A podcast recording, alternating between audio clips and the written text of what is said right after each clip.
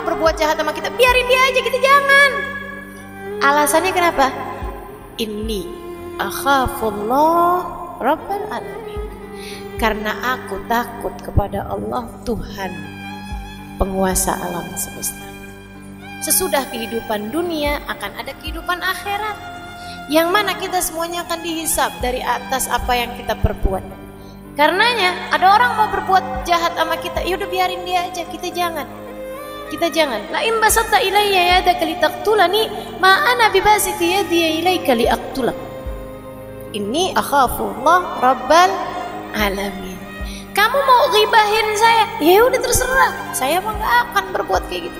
Kamu mau bohong sama saya? Terserah kamu. Saya mah nggak akan berbuat seperti itu. Kamu mau jahatin saya? Silakan aja. Saya nggak akan berbuat seperti itu. Kamu ngata-ngatain saya? Biarin aja. Saya nggak akan berbuat seperti itu kepada kamu. Sebabnya ini akhafullah rabbal sebab aku hamba Allah. Aku nanti di hari akhirat ditanya sama Allah. Aku takut nggak selamat di hari akhirat. Maka orang mau berbuat apa pun kepada aku, aku tidak peduli.